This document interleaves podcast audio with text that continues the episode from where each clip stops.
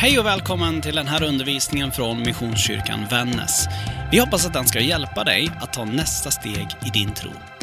Är du intresserad av mer från oss eller vill kontakta oss så hittar du allt det du behöver på www.missionskyrkanvannas.se eller på de vanligaste sociala plattformarna. Välkommen hem!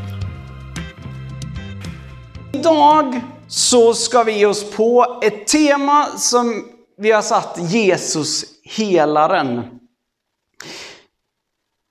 Och jag vet inte hur din relation är till Bibeln. Men när det kommer till vissa liksom grejer som vi tänker om tron, till exempel att Jesus är ju en helare. Då är det så här att då har vi packat in rätt mycket saker i det som egentligen, i, liksom i flera olika aspekter, i samma sak. Inom den teologiska forskningsvärlden då talar man om det här med, då använder man uttrycket översättningsproblematik. Och jag vet inte om du har koll på det, men Nya Testamentet är helt skrivet på grekiska. Och om du inte är grekiskläsande, och då pratar vi inte att du skulle vara gre alltså du har grekisk härkomst eller att du kanske kan modern grekiska, då kommer du inte superlångt i den antika grekiskan. Men är du inte grekiskläsande, då har du egentligen läst en översättning. Med den saken sagt, känn inte så här, åh, jag borde ha läst, lärt mig grekiska. Jag kan inte heller grekiska, så det är lugnt. Jag, jag kan liksom fusk i grekiska. Eller ja, jag kan förstå liksom samband. Men när vi talar om helande, varenda gång som Bibeln talar om, och i det här specifika fallet, varje gång evangelierna, när det berättar om Jesus, talar om att Jesus helade någon, eller gjorde någon frisk, eller liknande, så är det egentligen tre helt olika saker Bibeln talar om. Det finns tre ord som egentligen används, och de här tre ger rätt olika aspekter. Och de skulle jag vilja ta med dig på idag. Men som en liten, bara liten snabb intro så tänkte jag så här, svenskan blir svår, så jag gick till engelskan och sen direkt översatte jag från engelskan istället. Så skulle man på ett sätt kunna använda de här tre orden genom att säga läka, bota och upprätta. I grunden kan vi tycka att det är nästan samma sak. Men det är inte riktigt samma sak. Och när det kommer till bibeltext så tror jag man ska vara noggrann. Så vi börjar. Det är tre texter, de är från praktiskt taget samma del utav Matteusevangeliet. Men det är tre olika ord. Och den första texten som jag skulle vilja läsa för dig, den kommer i, från Matteus evangeliets åttonde kapitel. Där det står så här. När Jesus kom tillbaka till Kafarnaum skyndade ett romerskt befäl fram till honom. Herre, jag har en tjänare som har råkat illa ut. Han kan inte gå, han har hemskt ont. Jag kommer och botar honom, sa Jesus. Nej, invände befälet, du behöver inte komma för min skull. Ge bara order om att min tjänare ska bli frisk. Jag vet hur det är att ge och ta order. Jag säger till en legionär, gör si, och då gör han så. Jag säger till en annan, gör så, och då gör han så. Och min slav, han gör allt jag säger, det lovar jag dig.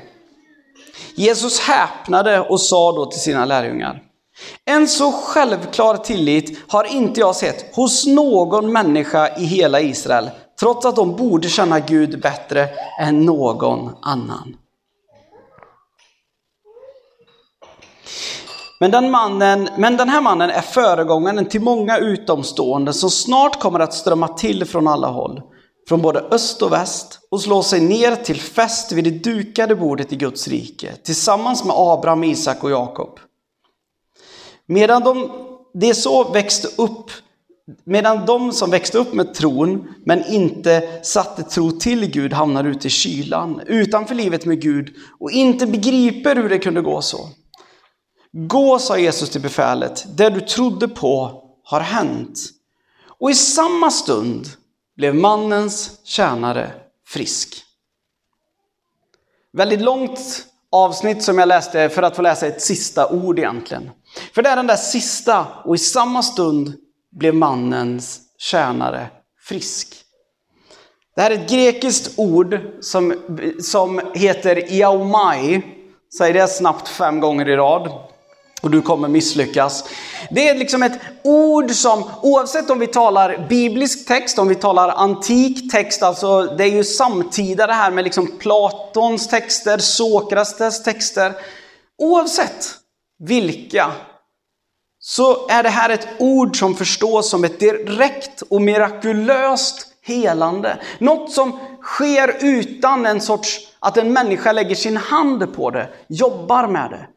Det är liksom motsatsen att gå till en läkare. Det här är det som jag tror vi många gånger tänker på när vi tänker på helande genom Jesus. Det är att liksom något händer mirakulöst, snabbt. Närmast på också när vi ber att det blir närmast precis så som den här legionären säger. Att den kommer på order. Herre, vi ber att den här nu ska bli frisk. Stundtals så ber vi också, vi befaller i Jesu namn att den här mannen ska bli frisk. Inget fel i det, absolut inte. Men det är Jaumai. Snabbt så ska du få hänga med nu till exakt texten efter. Där det berättas så här.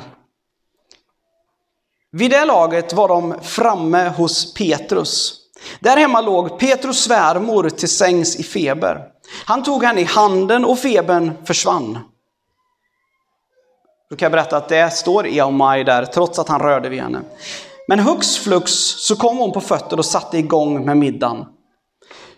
Och nu kommer det. På kvällen så tog folk dit många som plågades av demoner. Jesus gav deras plågade själar ro, helade deras sjuka kroppar och uppfyllde Jesajas berömda profetia.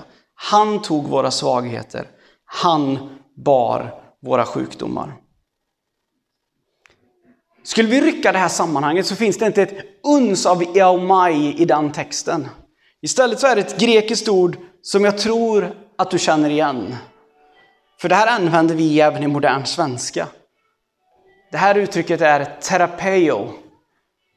Det som vi har gjort en översättning till terapi.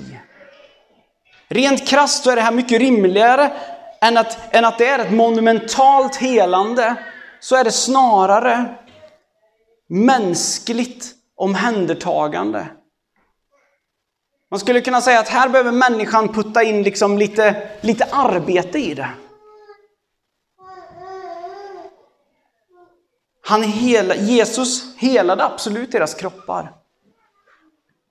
Men man kanske lika väl skulle kunna förstå det som han lindrade deras smärta. Han gjorde så att det blev så bra det någonsin gick. Också i princip, det här ordet då, det finns något enskilt undantag, men nästan alla fall där Jesus sänder sina lärjungar och säger hela dem. När han skickar ut dem för att predika och hela, så är det ordet terapeo. Ta hand om dem, värna om dem, gå den extra milen för dem. Var den där barmhärtige samarien som är beredd att göra ett arbete för att en människa ska få det bättre. Leker också med tanken, och jag vet inte vad din erfarenhet av terapi är. Jag har gjort mina timmar, det ska, det ska ärligt sägas. Terapi är en otroligt långsam behandlingsform ska ni veta, som också är explosiv. Jag har gått i terapi liksom för saker jag har brottats med. Och man tycker det, man sitter där och i mitt fall så har det varit liksom så här lugn, ja men, allt annat än hetlevrade, i mitt fall då kvinnor som jag har suttit och pratat med i ett rum. De har oftast en sjal runt halsen och är väldigt trygga och stabila människor. De pratar lugnt med en. Och så tänker man att ja, ja man har ju bara pratat lite. Och så inser man liksom, ja, när man har gått fyra, fem gånger, då är det som liksom, vem är du? Är du en trollkar eller? Liksom, du har vänt det mörkaste av mörker i mitt liv till att jag bara helt plötsligt inser att det där mörkret finns ju knappt här. Terapin.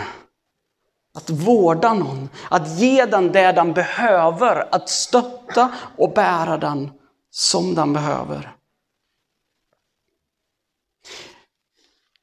Nu ska vi gå till det sista grekiska ordet och då berättas det om att ehm, en, eh, en tjänsteman i staden kom och frågade Jesus. Min, eh, min dotter har precis dött. Skulle du kunna röra vid henne? Skulle du kunna få henne att leva igen? Och de börjar gå dit. Och egentligen är det här bara en liten fond. För helt plötsligt så händer det någonting på vägen. Där det står så här. Just då sträckte sig en kvinna fram bakifrån och tog på, sig, tog på hans tunika. Hon hade lidit av blödningar i tolv år och hon tänkte att om hon bara fick nudda vid hans kläder skulle hon bli frisk. Jesus vände sig om och tog henne på bar gärning. Tappa inte modet min vän, sa han tröstande. Du vågade lita på Gud och han har kommit till din undsättning. Och från den stunden var kvinnan frisk. Visst skulle vi kunna tänka att här, nu läser han väl ändå ett Iaomai ställe, det där monumentala helandet. Så enkelt ska vi inte ha det, sa evangelisten och skriver ner ordet sozo. Det betyder snarare att hon blev frälst. Hon blev räddad. Hon blev lyft ur en situation som var omöjlig för henne att ta sig ur. Absolut, du kanske tycker det, men Johan du hårklyver nu, det spelar ingen roll, det är ju ett helande. Absolut att det är ett helande, men det här är någonting så mycket mer. Den här kvinnan behöver inte vi få berättat för mer än det här vi vet. Det räcker med liksom att du behöver inte ens gå liksom någonting mer än grundkursen liksom i, i, i den judiska eh, lagen vid den här tiden. För att veta att en kvinna med blödningar får absolut inte röra sig ute bland människor. Får absolut inte under några förutsättningar beblanda sig med andra människor och verkligen inte komma i kontakt med män. Låt oss säga så här. Det var inte den människan som stod högst på samhällsstegen om vi säger så. När du inte har slutat blöda på 12 år. Och blödningar i det här fallet är någon form av menstruation. Hur det ska vi inte, ger inte jag mig in på, men någon form, det är den typen av blödningar vi pratar om. Det här var så skambelagt i den kulturen. Det fanns liksom inte någon form utav grej som skulle kunna lyfta henne ur det. Hon var liksom hopplöst fast i sin situation. Så mötte hon Jesus och så skedde Zozo. Hon lyftes ur hela sin situation. Hon blev helad bortom kroppen. Skulle säga, hon blev också helad på ett rent andligt plan, på ett psykologiskt plan, på ett världsligt plan. Och oavsett om du tänker att liksom, det är rätt mycket hårklyverier, så jag kan köpa det. Det är till viss del lite hårklyverier. Men i alla fall för mig så skulle jag säga att det gör rätt stor skillnad om, om Jesus primärt kallar mig att gå ut och terapeia människor. Eller om jag är kallad ut för att göra gudomliga mirakel. Det gör rätt stor skillnad i min självbild. Kommer jag be, fortsätta be för att det ska ske mirakler? 100% att jag kommer göra det. Men jag måste också förstå, lyckas jag inte med det, så kan jag i alla fall vårda människor och det är precis lika mycket min uppgift som att bara, eller som att be för dem. När vi ska förstå liksom det här med helande på ett bibliskt plan så är det så allomfattande på ett sätt som nog vi på många sätt har svårt att få liksom hela huvudet runt att fatta, så att säga. Men grunden är, kan vi säga, att i hela Jesu personlighet, hur vi än ser på det, hans verksamhet bestod primärt egentligen av två verksamheter som verkar vara de absolut viktigaste. Och då kanske du tänker, ja predika. Nej, inte om vi tittar på mängden material i alla fall. För då verkar det vara två saker som är viktigast. Det ena är att hela människor, det andra är att driva ut andar. Förresten så kan ni också veta att driva ut andar är nästan alltid samma ord som soso. Det handlar väldigt sällan, tror jag, om en hotfull liksom, andutdrivning. Det handlar om ett fullkomligt upprättande till någonting som de inte kunde ta sig till. Jesus är i sin sannaste, sannaste natur helande. Oavsett om vi känner att varför blir inte den frisk eller varför blir inte den frisk? Så är det den sannaste naturen som faktiskt finns kring Kristus. Och i en större bild, om du ska ta med dig någonting härifrån idag, så skulle jag vilja lyfta de här tre aspekterna till att vi kan förstå helande på tre plan. Det här är någonting som absolut jag har hört från någon liksom snärtig ungdomspastor på något ungdomsmöte typ 2004, absolut. Men jag tycker faktiskt att det flyger. Det är att Gud helar på tre plan. Det ena är det, är det mirakulösa helandet. Det är ett av det vi predikar. Men vi tror också att Gud helar genom andra människor. Vi tror att varje människa som lever på denna jord är utrustad av Gud. I grunden så är det så att Gud är inte begränsad av en sån ytteputteliten grej att den där kirurgen inte känner Gud. Gud använder kirurger och terapeuter och sjuksyrror och fotvårdare och kallar dem vad du vill. Hur mycket Gud än vill. Och det sista sättet som Gud helar på, det är ett fullkomligt upprättande. Och det upprättandet, älskade vänner, det når vi bara en enda gång. Jag älskar hur Frälsningsarmén använder som uttryck när de beskriver den här typen av helande. Det är att man befordras till evigheten. Det verkar som när Bibeln liksom på allvar talar om helande så är det de här tre det handlar om. Det kan ske vid tre tillfällen. Mirakulöst, genom att människor stöttar och bär, genom att en läkare går in i din fot. Eller att du får kliva in i evigheten med Jesus Kristus vid din sida. Fullkomligt upprättad, fullkomligt helad. För ärligt talat så är det rätt så lätt att få i alla fall den logiken att gå runt. För om det är så att himlen är en plats utan någon smärta, utan någon sorg, utan tårar. Inte finns det några allvarligare kroppsliga besvär eller psykologiska besvär i alla fall. Den saken ska vi nog ha klart för oss.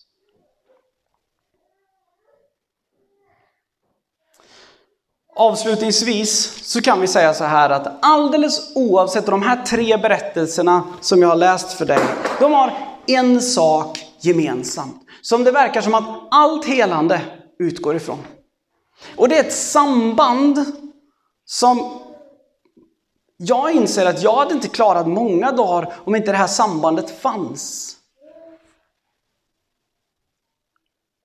Så bara kort vill jag dela med er att eh, den senaste veckan, jag är också skolpastor på Liljaskolan och det ska jag vara på 20%, Den senaste veckan har jag nog varit på 75% i alla fall. Eh, för, för tredje gången på ett och ett halvt år så är det en elev som har dött. Eh, den här gången tyvärr en människa som inte orkar leva längre. Och så inser jag liksom, vilket skulle vara det absolut största helandet den grabben kunnat fått genomgå. Och det är att möta helandets absolut närmsta granne. Det helandet är fullkomligt beroende av och det som alltid hänger ihop med all form av helande. Det är fyra bokstäver. Och det är hopp. Helande och hopp hänger alltid ihop. Utan hopp så verkar det, när vi läser Bibelns berättelser, inte finnas särskilt mycket helande. Det finns egentligen bara ett exempel där Jesus helar en människa som är, inte känner något hopp. I alla andra fall så är det någon anhörig eller någon som bara säger Jesus kom och gör det här.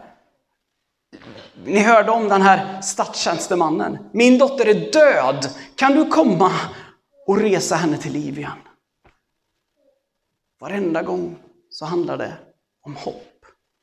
Om att sätta sin tilltro längre bort mot den som är sann, sann helare på alla aspekter. Låt oss be. Herre Jesus Kristus, tack för att du är helaren med stort H. Herre, vi ber att alldeles oavsett vilket behov vi än har, så ber vi att vi ska komma till dig med ett stort hopp. Att vi ska söka dig med hopp. För våra vänner ska vi komma med hopp. In i varje situation där vi ser här behövs helande så ska vi alltid komma med hopp. Och Herre, jag ber också att du ska hjälpa oss att förstå att helandet är så flerdelat. Herre, sänd oss ständigt i att tro på det, ins, det, det, det, liksom det monumentala, det som bara sker direkt, miraklet. Sänd oss i det. Men Herre, påminn oss om att under tiden ska vi också värna. Vi ska stötta, vi ska bära, vi ska möta människor. Precis som ditt ord berättar, hur du mötte människor där utanför Petrus svärmors hus.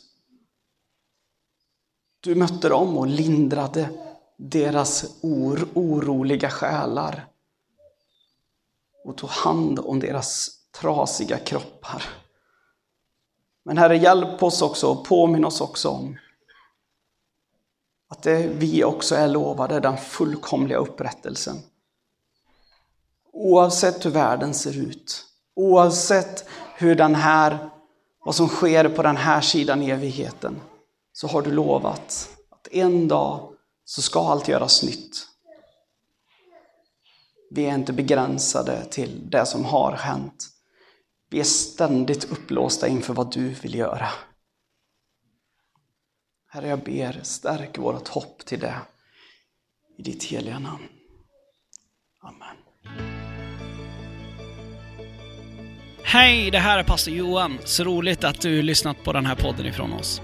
Jag hoppas att den har fått betyda något för dig min bön det är att det du fått lyssna till, att det faktiskt har gett dig praktiska verktyg för ditt liv framåt.